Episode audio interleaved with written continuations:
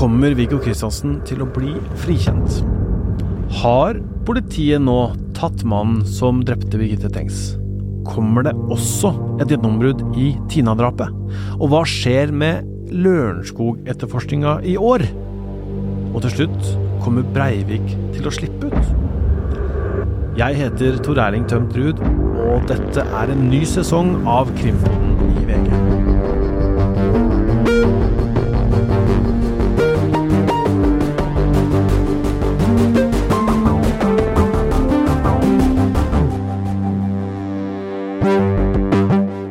Vi er i 2022, og vi har lagt eh, bak oss et år med mange store krimsaker. Og det er vel mange av de samme sakene som kommer til å prege Krimpodden også i år. Krimkommentator her i VG, Øystein Millie. Det skal jeg straks svare på, Tor Erling, men først så skal jeg si velkommen tilbake. Hjertelig velkommen. Takk for det, takk for det. Har det vært fint? Ja, jeg må jo si at uh, å ha, ha pappaperm er jo en fin ting, og jeg har en uh, søt liten gutt som jeg har trilla rundt da, på denne lille fliken av Indre Østfold som vi bor i. og det har vært bra, det altså, men jeg må jo si at det har vært rart å liksom bare høre på hva dere andre har gjort, da. Ja da, og vi har jo snakka sammen litt underveis, så du har ikke vært helt frakobla. Du vet jo litt hva vi har holdt på med, og så Ja har vi jo Eh, For de som da har eh, hørt på Håvard i hele høst, så kan vi si at vi har med oss Håvard her nå. Han sitter eh, og Håvard er i studio, hei. eh, bak her, og Ja. er da nå eh, produsent eh, for denne episoden. Ja. Så, så her, er, eh, her er alle tre da som eh, har vært eh, liksom Krimpodden-inventaret i eh, Men det har gått veldig bra, da. Jeg syns det har vært veldig godt å høre på dere. Det har vært mye å holde på med, og til eh, spørsmålet ditt, da, så er det jo ikke tvil om at eh, det har vært eh, mange saker i 2021, og det kommer til å bli eh, en del av de sakene som følger oss inn i 2022. Um, og så kommer det sikkert uh, nye saker, Uh, så det ser ut til å bli uh, hektisk krimår også i år. Og ganske sikker på at det kommer både avklaringer og kanskje noen gjennombrudd i noen saker. Så vi er beredt vi til å følge med og rapportere om alt det vi klarer å finne ut av. Ja, vi kan eh, begynne med, med denne saken fra 1995, drapet på Birgitte Tengs. Altså, nå er det jo da denne mannen i 50-åra som er sikta for eh, drapet. Han, han var faktisk i retten eh, forrige uke, der de ville forlenge tiden han sitter i varetektsfengsel. Eh, og I dette fengslingsmøtet, da, som det heter, så, så kom det fram at politiet er, de er ganske sikre på at den DNA-en som nå er funnet på strømpebuksa til Birgitte, den, stammer fra denne mannen.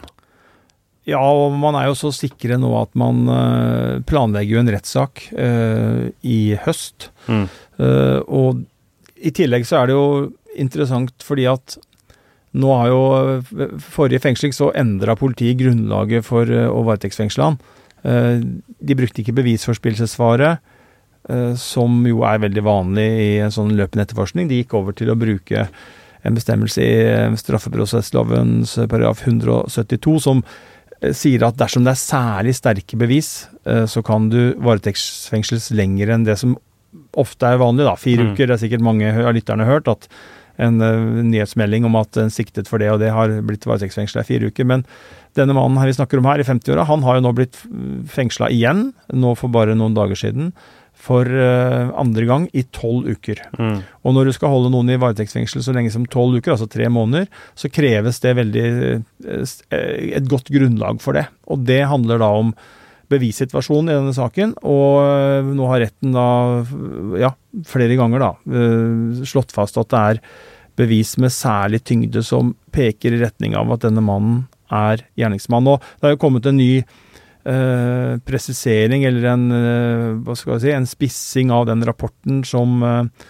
handler om DNA. Og eksperten fra Danmark han eh, har nå gjort en ny beregning og sier nå at det er 95% sannsynlig at det er eh, to eller færre som kan ha eh, denne DNA, eh, dette DNA-materialet som er avsatt på strømpebuksa.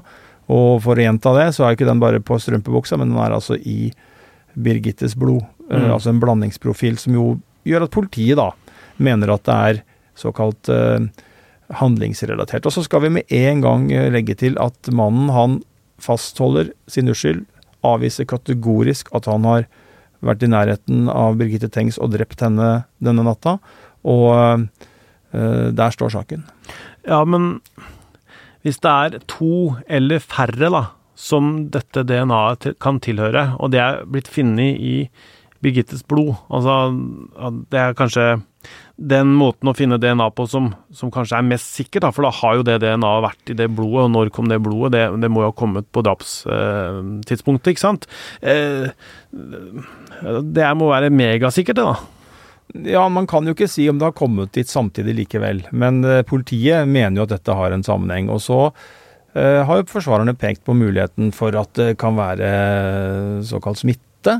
Uh, og at dette DNA-materialet har kommet dit på en annen måte og ikke handler om drapssaken. Og pekt på også at det finnes jo annet DNA-materiale uh, i, i, uh, i, saken på, på klær osv. som, som man må ta til vurdering. Men, men det er klart at generelt sett så er jo dette DNA DNA-bevis av den kaliberen her pleier jo å Eh, være et tungt bevis. Eh, og så blir det jo da en kamp i retten. Og så er det jo sånn som eh, politiet ser det, og som vel også retten har slutta seg til delvis, så vidt, jeg, så vidt jeg, husker i farten, så, så, er det jo sånn at denne mannen, han var jo i området. Han bodde i nærheten og kjørte også bil i området hvor, hvor Birgitte Tengs oppholdt seg den kvelden. Han mangler, han mangler alibi, slik politiet ser det.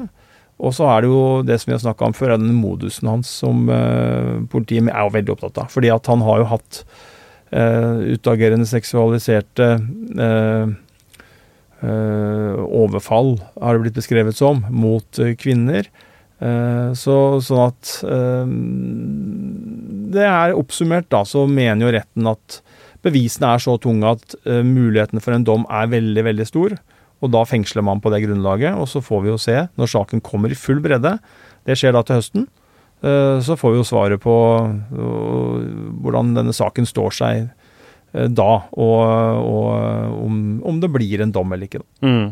Husker da vi lagde Uløst 1, så, så, så var jo denne mannen i søkelyset eh, fordi Bjørn Olav Jahr hadde skrevet den boka, ikke sant, hvor man pekte på litt andre eh, gjerningsmenn osv. Og, så og vi var jo og faktisk og banka på døra der denne mannen hadde sin eh, adresse. Eh, han var ikke hjemme da, og det har jo kommet fram også at han eh, har tilbrakt, eh, mye tid i en sånn ja, campingbil og sånt, eh, så han, så, han, var ikke der da. Men, men eh, han har jo vært, vært i søkelyset siste, siste åra iallfall. Men det, dette sånn at det kommer fram at DNA-et er så sikkert og alt det der, er ikke det en slags forhåndsdømming av denne mannen?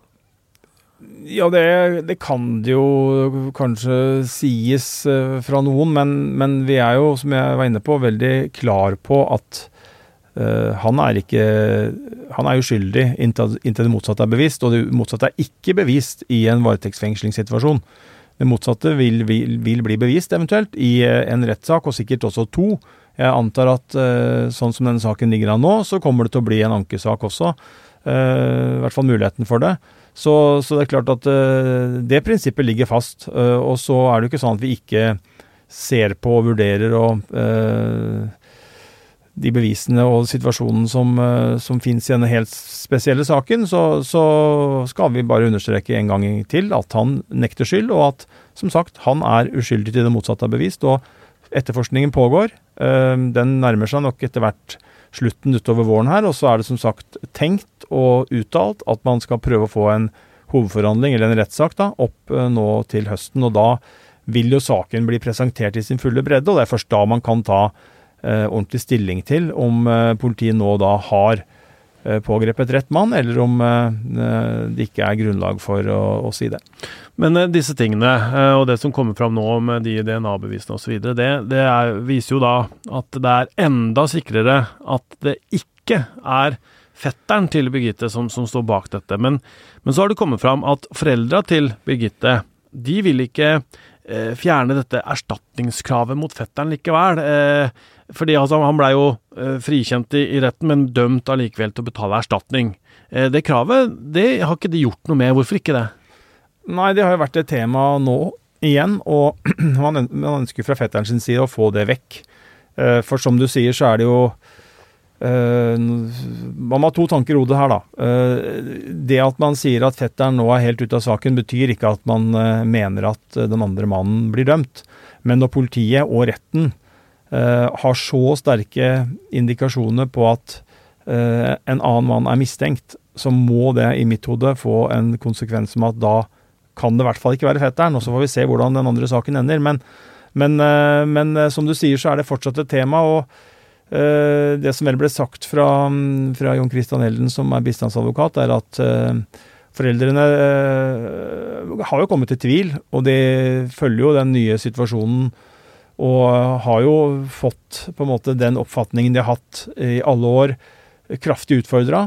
De har jo trodd på politiet, da, og for så vidt også retten, som jo har holdt fetteren ansvarlig for, for Birgittes død. Men det er klart den nye utviklinga gjør, gjør, jo at foreldrene Eh, er i en prosess. Og så har vel Ellen da sagt at det ikke er noen hast akkurat nå med å ta stilling, men at man da venter på en tiltale eller en dom for at man da får to streker under svaret før man uh, går videre med den prosessen. Men uh, det er som du snakker om, Tor Erling, så er det, jo, det, er jo, det, er jo, det er jo ikke mulig å hevde nå at, at uh, mener jeg, da, at fetteren på noe vis kan knyttes til denne saken lenger. Det, det Ja, sånn er det i mitt hode i hvert fall. Ifølge advokaten hans, da, Arvid Sjødin, så fikk jo fetteren i, i møte med politiet i, i fjor høst eh, beskjed om at han var utelukka fra alle DNA-resultater i saken og etterforskninga i sin helhet, da, ifølge Sjødin. Ja, nei det stemmer nok eh, helt, eh, helt holdent. Og han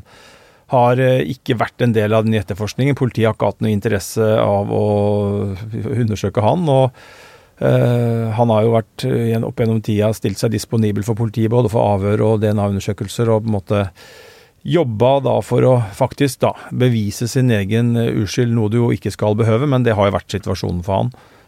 Og har jo hatt en Ja, denne saken har fått summert innpå før enorme konsekvenser. Han har jo fått en slags Eh, både et yrkesforbud i Norge og vært tvunget ut av landet og bor jo i, i, Spania. Så det er klart at dette er jo en eh, Det er en eh, helt, helt spesiell sak, og ingen tvil om at vi må kunne trekke frem ordet skandale når vi, når vi snakker om den. Mm. Eh, hva med Tina Jørgensen? Altså Mannen i 50-åra er jo også mistenkt eh, for å ha drept henne eh, i, i, 2000 i, i Stavanger. hva skjer der? Der er situasjonen så vidt vi vet, og nå må vi jo bare understreke det at vi sitter jo ikke med et eh, på noe vis eh, fullt innsyn i hva etterforskningen eh, hvor den står og hva som er status, men det som blir sagt og, og ut fra hvordan man handler, så er det jo ikke nærheten av samme situasjon, som du sier. Han er fortsatt mistenkt, og det er jo veldig lav grad. Det er jo under da skjellig grunn til mistanke, som jo er en siktelsesgrunnlag, da. Som mm. er, da må det være 50% og mer. Og her er det da under 50% sannsynlig. Så det er jo det er, jo, det, er jo, det er jo det, vi, vi må understreke, det er det vi snakker om. Når vi snakker om mistenkt, så betyr det at det er under 50% sannsynlig. Politiet mener at det er en viss grad mistanke, men den er lav uh, på en sånn skala. Du har, du har uh, ingenting, og så har du mistenkt, og så har du sikta? Ja. Sånn, sånn du sikta og slår inn på 51 oppover, ikke sant? Mm. og da ligger mistenkt eh, godt under der. Så, så, vi må bare ha det. For det kan fort misforstås, det ordet mistenkt, for det brukes i dagligtalen. Eh, som, eh, da har man ofte tanker om at det er litt sterkere betydning i det. Men mm. eh, det er eh, bekrefta at det ikke er noen DNA-spor der. og Politiet etterforsker, avhører og holder på å jobbe, men eh, hvis vi skal lese de signalene som kommer, så er det jo sånn at man nå jobber, som vi var inne på, mot en rettssak mot uh, i Tengs-saken i høst. Og sånn som eh, signalene er og hva politiet kommuniserer, så, så, ser det jo ikke ut som om man har noen tanker om at den uh, Tina Jørgensen-saken uh, skal inn der på noe vis. Så om det i hele tatt blir noe mer enn en mistanke, eller, og at etterforskningen blir lagt ned mot ham, eller om man kommer noe videre, i hans retning, eller eventuelt i en annen retning også, for det må vi jo holde helt åpent. Man jobber jo nå bredt og grundig med Tina Jørgensen-etterforskningen, og det kan jo være at man finner andre spor eh, som leder andre retninger, når man først har en så eh, grundig gjennomgang og stort fokus på den saken. Og så er det kanskje knytta mest spenning opp mot hva som skjer med Viggo Kristiansen. Eh, som da er dømt for, for dobbeltdrapet i eh, Baneheia. Eh, og der er det jo en gjenåpning, da. Kommer, kommer, Riksadvokaten til å kaste korta, som det heter? Altså på en måte si at Kristiansen må frikjennes, eller Altså, ja, basert på de bevisene som er nå, eller, eller kommer det til å bli en ny rettssak mot han også i år? Ja, Det er jo et helt åpent spørsmål. Eh, og det er etter min mening eh, ingen tvil om at hans sak er styrka eh, gjennom den nye etterforskningen. Og ved bl.a. at Jan Helge Andersens troverdighet er svekka. Da bl.a. gjennom disse DNA-undersøkelsene som, som ikke samsvarer med hans forklaring. Og så har det jo tatt en del mer tid enn man forutså. Nå er det snart et år siden gjenåpningen skjedde. Det er en, en knapp måned til. Eh, og da trodde man at etterforskningen skulle gå ganske fort, og så har man jo gjennomført en, eh, en mye grundigere og mer eh, Ja, den tar i hvert fall lengre tid. Med DNA-analyser, avhør, sånn at selv om da Kristiansen har jo sagt at han ønsker seg en ny rettssak, og det samme har foreldrene til jentene, og da kunne man jo tenke at kanskje er så enkelt at da eh, blir det det, men det er ikke sikkert på noe vis. Eh, påtalemyndigheten skal ikke eh, kjøre en full rettssak med full bevisførsel eh, dersom det ikke er eh, grunnlag for det, og, og, grunnlaget handler jo da om bevis. Så hvis påtalemyndigheten nå eh, i løpet av ja, jeg vil tro senvinteren, våren kanskje, har grunnlag for å ta stilling til hva som skal skje videre med den saken, så øh, øh, vil det komme en avgjørelse. Uh, og ja, det er, det er, helt umulig å, å si hva, hva, som blir den videre veien. Man må bare avvente og se hva Riksadvokaten til syvende og sist avgjør. om man da hvilke muligheter man benytter seg av. Den ene er altså En, litt, en rettssak blir det uansett, men forskjellen er jo da at det kan bli en veldig kort affære hvor man nedlegger en påstand om frifinnelse uten noe bevisførsel av noen, noen, betydning. Eller at man da kjører en, en full sak og, øh, og, prøver saken på den måten. Men øh, det er, øh, ja, som jeg innleda med, det, er, det er, fortsatt helt åpent og ikke avgjort. Men er det, noen, er det noen flere prøver som mangler svar nå? Altså, kan det, Venter vi på noen resultater, eller er det andre ting som, som kan dukke opp nå, som er nytt, liksom? Det vet vi jo ikke. Eh, eh, sikkert. Vi, politiet, påtalemyndigheten, meddeler jo ikke så veldig mye om hva, hva, som skjer. Det eneste vi vet, er at man har hatt, eh, hatt uh, avhør og en del DNA-undersøkelser. Og uh, så er det vel sånn i, at man sannsynligvis skal skrive rapporter og oppsummere, gå gjennom. Uh, ja, det, det, ser jo ut til å være en uh, omfattende og grundig jobb man gjør, og det er det aller viktigste. Tenker jeg Om dette tar uh, kort tid eller lang tid, det er uh, underordna. Det viktigste er at man nå gjør en ordentlig grundig jobb, sånn at det resultatet man kommer frem til, at det er så fundert på så solide vurderinger og bevis som mulig. En annen stor sak som, som, var stor i fjor, var jo drapene i Kongsberg. Eh, fem mennesker eh, som ble drept der. Og der er jo rettssaken mot eh, Espen Andersen Bråten eh, beramma. Altså den skal gå i, i, i mai, vel. Vi skal vel dit, vi da? Ja, det skal vi. Det blir jo noe av det siste som skjer før rettsferien. og før vi tar på å si, ferie fra fra Krimpodden. Det er en langvarig rettssak som starter 11. mai og går ut imot uh, midten av uh, juni, etter planen. Så, så, det blir jo uh, Det blir en, ja, en, omfattende prosess. Det er jo mye som skal belyses i retten, og det er mange spørsmål som skal besvares. Det er jo, det er jo fem, fem dødsofre og, og veldig mange fornærma, og man skal jo da forsøke å kaste lys over uh, hva som skjedde, og hvorfor det skjedde, og hvordan det skjedde. Så det blir en, uh, en omfattende prosess. Hva er det som på en måte blir eh, tema der, da? Det at han kan ha planlagt dette som en terrorhandling, eller at liksom, om han var syk eller ikke? Nei, det er jo først og fremst uh, det siste. Altså, nå er det jo sånn at uh, rettspsykiaterne har frist til 1.2 med å komme med rapport som uh, vurderer tilregneligheten. Og så hender det vel av og til at de blir skjøvet litt på de fristene, men det kan godt hende at de nå er på oppløpssida der, da. Uh, og da er det bare noen dager til den kommer. Og så er jo det sånn i forhold til Uh, altså Strafferettslig uh, sett så er jo det den store, store spørsmålet. Er han, er han tilregnelig eller ikke? Og der var jo de foreløpige vurderingene at han, uh, han ikke var det. Han ble vel tatt under helsebehandling etterpå, blant annet. Og så er det jo en langt grundigere jobb som blir gjort nå, naturlig nok. Man går inn i denne saken. Og så får vi da en konklusjon på det, og så vil jo det være førende for hvilken type eh, dom det eventuelt blir. Altså blir det da en blir han eh, Altså hvis rettspsykiaterne mener han er eh, utilregnelig Altså og, syk, eller psykotisk, syk, ja. ja. Og eh, retten følger dem på det, og dømmer han etter, i tråd med det, så, så, vil han jo bli tatt under helsebehandling. Mm.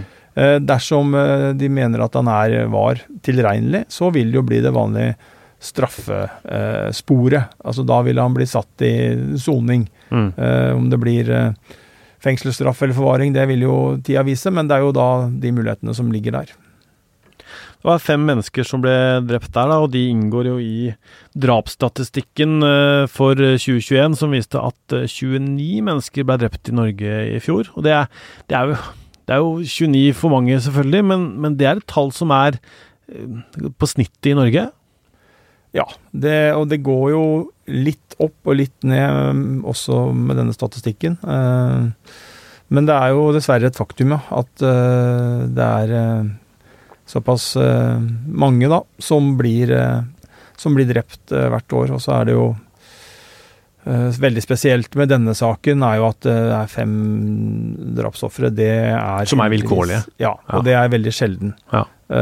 i Norge at det er så mange ofre. Det er vel 22.07 eh, er selvfølgelig langt flere, men ellers så er det jo ikke Det er langt imellom de sakene hvor det er såpass mange ofre. Så det blir jo eh, det blir jo en uh, interessant rettssak å følge, og det er jo mange spørsmål vi stiller oss der. Uh, og det er jo selvfølgelig på å si, hva han har, I hvilken grad man klarer å finne ut av hva som har vært foranledningen, og Eh, hva som, eh, hva som, skjedde den fatale kvelden. Og så har det vært noe spørsmål rundt knytta til eh, om politiet burde visst om ham, hatt ham på mm. radaren, og om det var gode nok tiltak både i forhold til helse og politi i forkant. Og så er jo også politioperasjonen der og da vært et tema, og jeg vil jo tro at noe av dette, eller kanskje alt, blir belyst i rettssaken.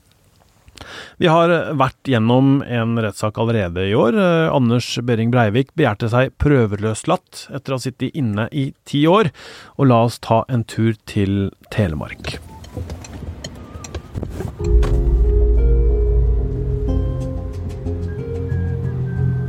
For kjører du noen kilometer ut fra Skien, så kommer du til et stort industriområde. Der ligger Telemark fengsel, Skien avdeling omringa av en høy betongmur. For å komme inn så må vi først kjøre gjennom én gitterport og parkere bilen utafor murene.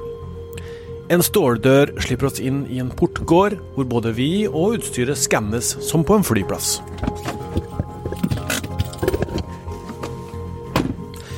Det er Krimpoddens Håkon Fostervoll Høydal som er på vei inn i fengselet. Han må gjennom enda en ståldør og kommer inn i selve fengselsgården og det er bak den én kilometer lange muren. Inne i bygget så må han gjennom nok en maskin som skanner hele kroppen. Fordi plutselig er det Vi kan spørre.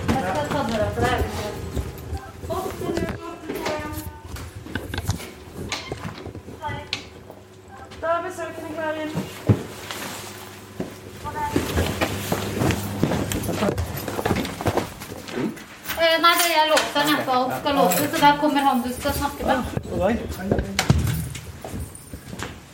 Jeg heter Tore. Inspektør for uh, avdeling A, som det heter her på, på Telemark fengsel. A, S og M. M er mottaksavdeling. A er en kaller vi en restriktiv avdeling, som handler om eh, Hvis man ikke fungerer ute i vanlig boenhet, eller man har behov for å skjerme seg en periode, så er man der han er. Og så er det SHS, det er jo da særlig høyt sikkerhetsnivå. Og det er der Breivik sitter? Det kan jeg dessverre ikke kommentere. Nei, det kan faktisk ikke avdelingsleder Store Stenshagen si noe om. Kriminalomsorgen har som prinsipp at de ikke forteller noe om hvem som sitter inne. Men vi veit jo at Breivik sitter der. Alle veit det. På en sikkerhetsavdeling så kan man ha fellesskap. Man kan ha, være sammen med andre i utgangspunktet. Eh, på en særlig høy sikkerhet så kan, så kan man ha mulighet til det òg, ytterste konsekvenser. Eller ytterste muligheten, da, at man har mulighet til fellesskap med andre. Eh, ytterst få tilfeller, selvfølgelig, men, men i, i, utgangspunktet så er du da utelukka fra fellesskap, som det heter, da, med andre innsatte. Så er, da er du der og, og blir tatt vare på av ansatte, stort sett.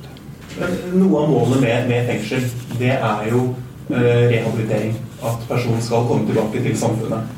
Eh, hvor enkelt er det å drive på med det på, eh, på SOS, på, denne, på en sikkerhetsmelding med, med særlig høyt på Kosterøya? særlig høyt sikkerhetsnivå. SOS. Eh, paradokset er jo selvfølgelig at i det ene øyeblikket så skal vi eh, beskytte innsatte eller andre innsatte eller samfunnet for vedkommende.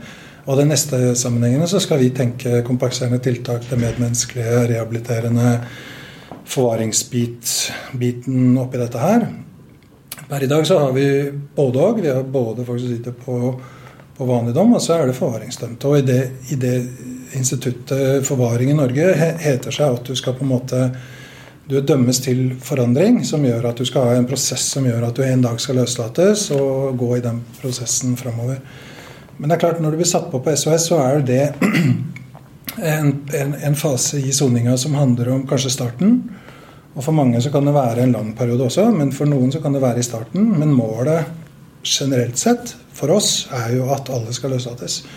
Alle skal ut en dag. Og hvordan greier man å balansere den der utelukkelsesbiten over så lang tid eh, opp imot det å tenke eh, rehabilitering og løslatelse på lang sikt. Alle skal ut en dag, sier han. Men gjelder det også Breivik?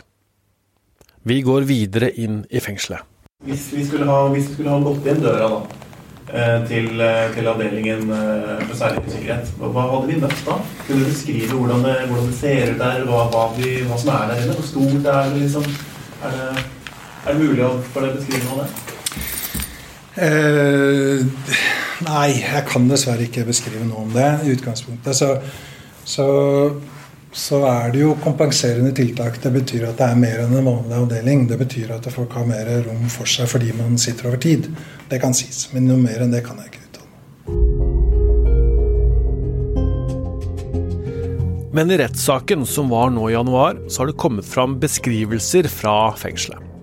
Går vi videre inn der Håkon ikke får lov til å gå nå, så kommer vi til en gang. I enden av den gangen er det tre celler. Det er de cellene Breivik disponerer. Cellene er på drøye ti kvadratmeter hver. En bocelle, en treningscelle og en studiecelle. Der har han tilgang til bl.a. TV, spillkonsoll, tredemølle og et multitreningsapparat. Dagen starter tidlig for Breivik. Han beskrives som høflig av de ansatte, han har gode rutiner, han står opp, tar på seg dress og skjorte, leser avisa, trener eller driver med studier. Vi fikk høre i retten at han har studert statsvitenskap, lært seg språket mandarin, eller i hvert fall prøvd. Han har tatt X-FIL og X-FAC, og studerer nå privatøkonomi. Ifølge fengselet så tar han også ferie i perioder der han spiller TV-spill og spiser usunn mat. Det høres kanskje ikke så gærent ut, det, men eh, det som Breivik mener tærer på, er at han ikke får ha kontakt med noen kun én som kommer på besøk, som får betalt for det. Og så er det forsvareren hans og de som jobber i fengselet som han har kontakt med. Han får ikke brevveksle med noen, for skriver han om noe som minner om politikk eller propaganda, så blir breva stoppa.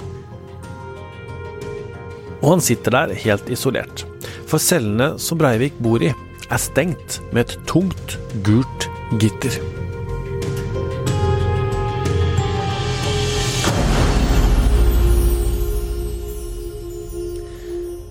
Og det er dette fengselsregimet som Breivik eh, vil ut av. Og så Vi så jo hvordan det blei, Øystein, denne rettssaken. Eh, Breivik gjorde vel det han kunne for å spre et slags budskap med plakater, og, og hadde en ganske lang forklaring også. Du fulgte den rettssaken, Øystein. Hva, hva syns du?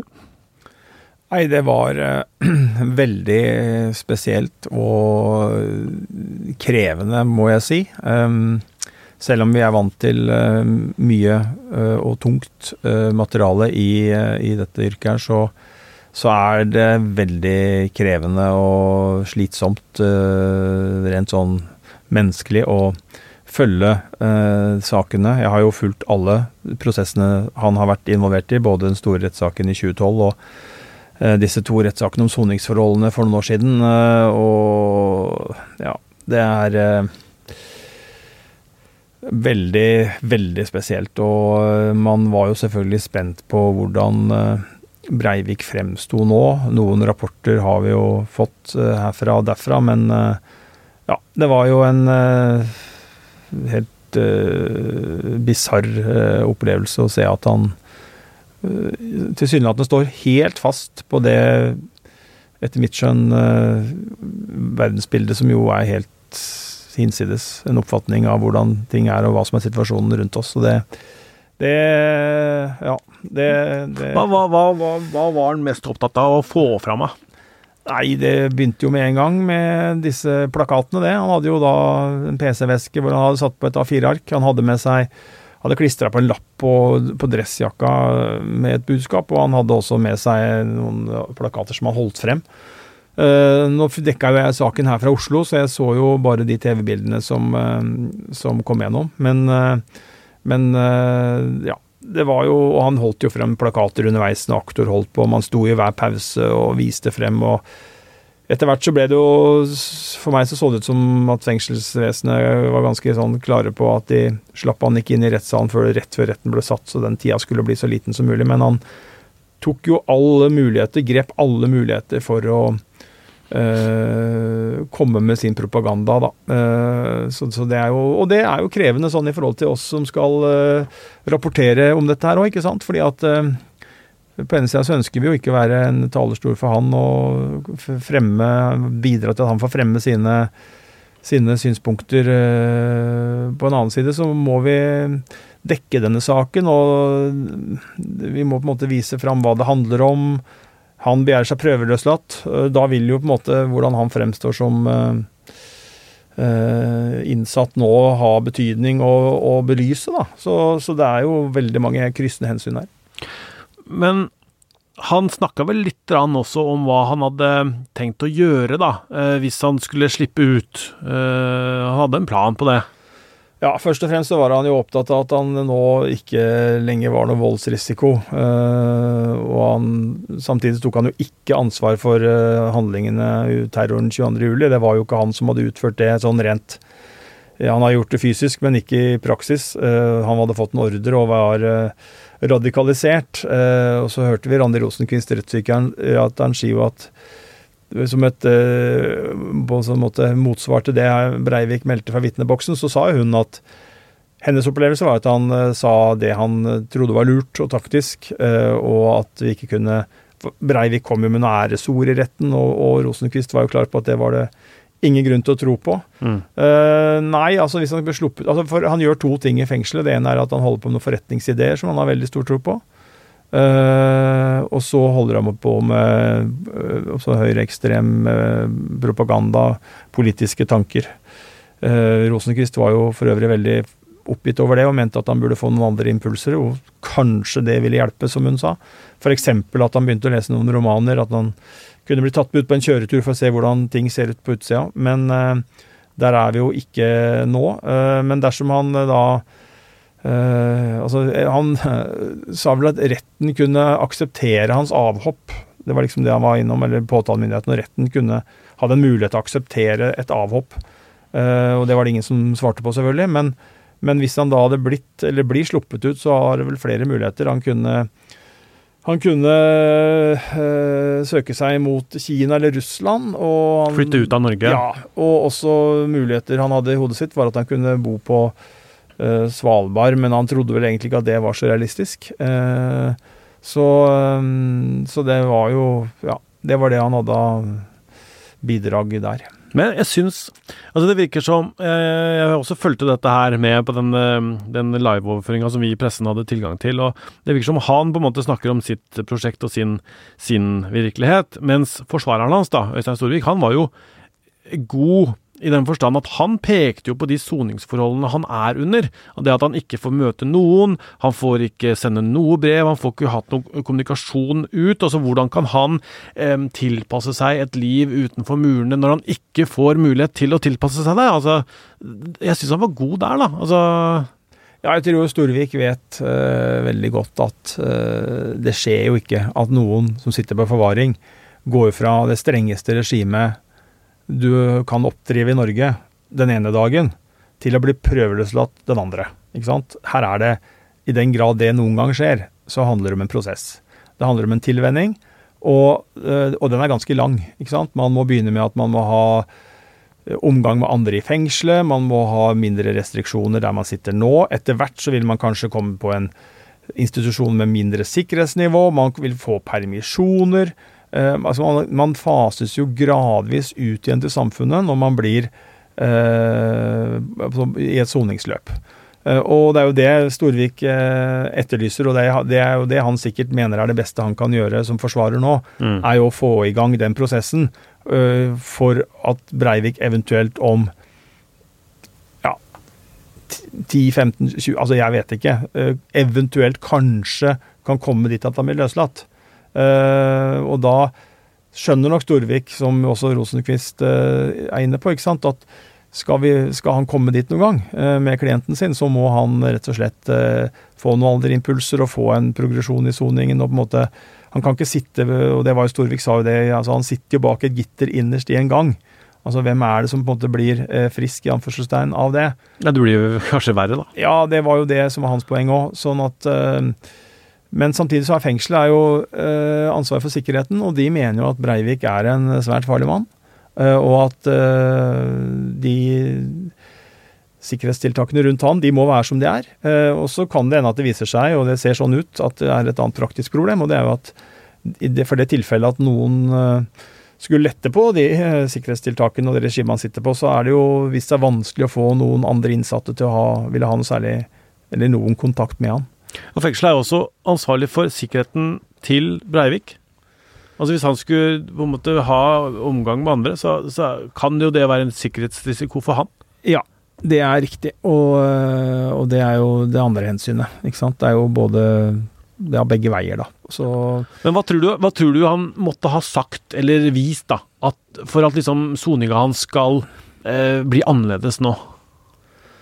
Nei, det er jo veldig vanskelig og hypotetisk, selvfølgelig, men det er klart at han måtte jo han måtte jo ha tatt avstand fra ansvar for det han har gjort. Mm. Uh, tatt avstand fra det, og man måtte ha gjort det på en sånn måte at man kunne ha tenkt at dette kan uh, være reelt, og at det ikke bare er tomt prat. Uh, sånn som Rosenquist jo påpeker at han kan holde på med, da, men taktisk Han sier det som han tror er lurt. Uh, og så må det være over tid. Eh, og så må han på en måte Det må være en sånn eh, total eh, endring av oppførsel, ikke sant. Og det er klart at når du kommer inn i retten sånn som han gjorde med alle de plakatene og den framtoninga og det budskapet han hadde, så ja, det er jo det er, man, kan jo, man kan jo tenke at det ikke har skjedd så mye, for å si det sånn, på ti år, da. Så, så, hvis, så lenge han holder på med det der, da, så kommer han til å være der han er?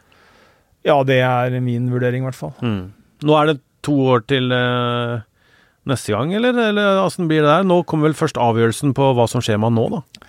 Det kommer en avgjørelse, og så kan han jo i prinsippet bringe det for retten sånn mer eller mindre årlig, da. Eller han kan, et år fra avgjørelsen, så kan han bringe det for retten. Og det har jo vært et tema nå, at det tidligere riksadvokat Tor Aksel Busch uh, påpekte jo at det burde ses på. Og det er klart det er jo så er det på Forsvarerne er jo på andre sida mener jo at eh, samfunnet, rettssamfunnet må ta seg råd til å på en mm. måte ta en avsjekk, da. En ordentlig avsjekk opp mot en domstol en gang i året på folk som sitter på så strenge vilkår og et så tungt regime som de forvaringsdømte gjør. Så der er det to hensyn som står mot hverandre. Det var en eh, gjennomgang av eh, de sakene som vi veit om. Vi kommer til å snakke om eh, i år i hvert fall. Eh, og så skjer det vel stadig noe som, vi, som dukker opp. Ja, vi må innom en sak til, skjønner du. Å? Vi må innom Lørenskog. Ja, selvfølgelig. Den er der, ja. Den er der, skjønner du. På fjerde året nå. Ja da. Eh, det er den, så Ja. Hva skjer der, da? Nei, altså jeg, jeg legger hodet på blokka og sier at jeg tenker at eh, det kommer en utvikling i 2022, da. Mm. Det har du gjort før, det.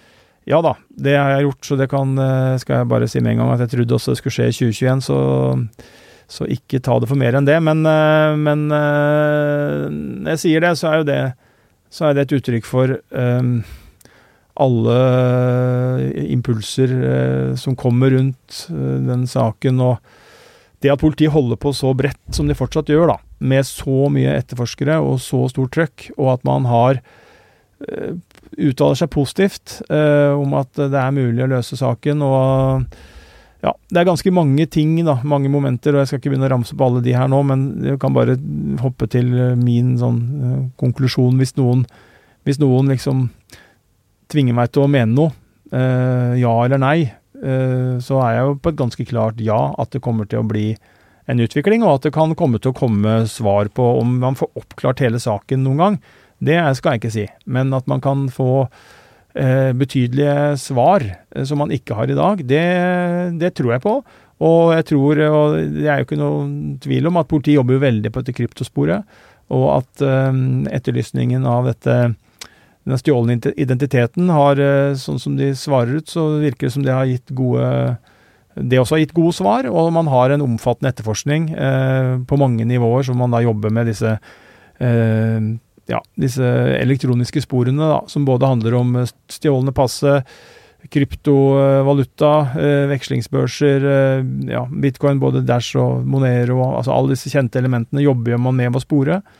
Så, mm, så får vi se. Da noterer vi oss det. Gjennombrudd i Lørenskog-saken 2022. Det blir jo Da skal vi følge med. Da skal vi følge med, og så skal jeg eh, strekke hendene i været om vi sitter der om et år og saken er lagt bort og det ikke ble noe ut av noen ting. Men, eh, men det er ikke tvil om det, altså. At vi kommer til å Vi har jo fulgt Lørenskog-saken tett hele veien, og vi følger den eh, tett videre. Og så er det litt varierende når vi har noe å melde og når det kommer noe. Det, men det handler ikke om at ikke vi er på ballen og, og jobber med saken. Men som sagt, det er litt sånn at uh, i den fasen man er nå, da, hvor man jobber litt uh, på lengre sikt, så blir det jo færre ting å melde enn når det skjer ting, f.eks. som det gjorde da for snart to år siden, når vi hadde eh, to pågripelser i saken. Mm. Da blir det mange, mye oppmerksomhet og episoder og artikler og alt mulig. Ja, ja. Nå er det ganske stille, da, men det tror jeg kanskje bare er på overflata. Det var godt å være i gang igjen. Nå skal jeg børste av meg denne pappapermen, og fint med en oppsummering om hva vi har i vente. Eh, dere som hører på, kan selvfølgelig sende oss innspill til krimpodden at vg.no, eller eh, følge oss på Facebook. Bare gå inn og og følg oss der, og, og si ja til de reglene som, som vi har satt opp da, for det forumet som vi har der. Neste uke så skal vi fortelle om en politimann som er anklaga for å ha utnytta nettopp det at han er politimann. Det er en veldig spesiell sak, og du har vært i Mo i Rana, Øystein. Ja da. Eh, Ådne Husby Sandnes og jeg vi var i, i Mo i Rana før saken starta, og eh, Ådne har også vært der eh, nå mens saken pågår, og den pågår jo fortsatt og skal pågå frem til slutten av februar. Så eh, den saken skal vi eh, se nærmere på. Det er en rettssak mot en politimann som vi skal snakke mer om neste uke. Produsenter for Krimpodden denne uka er Vilde Våren og Håvard Kristoffersen Hansen. Håkon Fostervold Høydal har vært reporter. Takk til Øystein Milli. Jeg heter Tor Erling Tømter.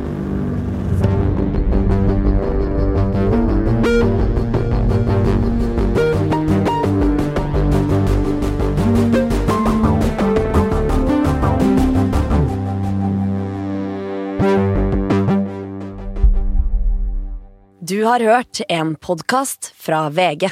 Ansvarlig redaktør, Gard Steiro.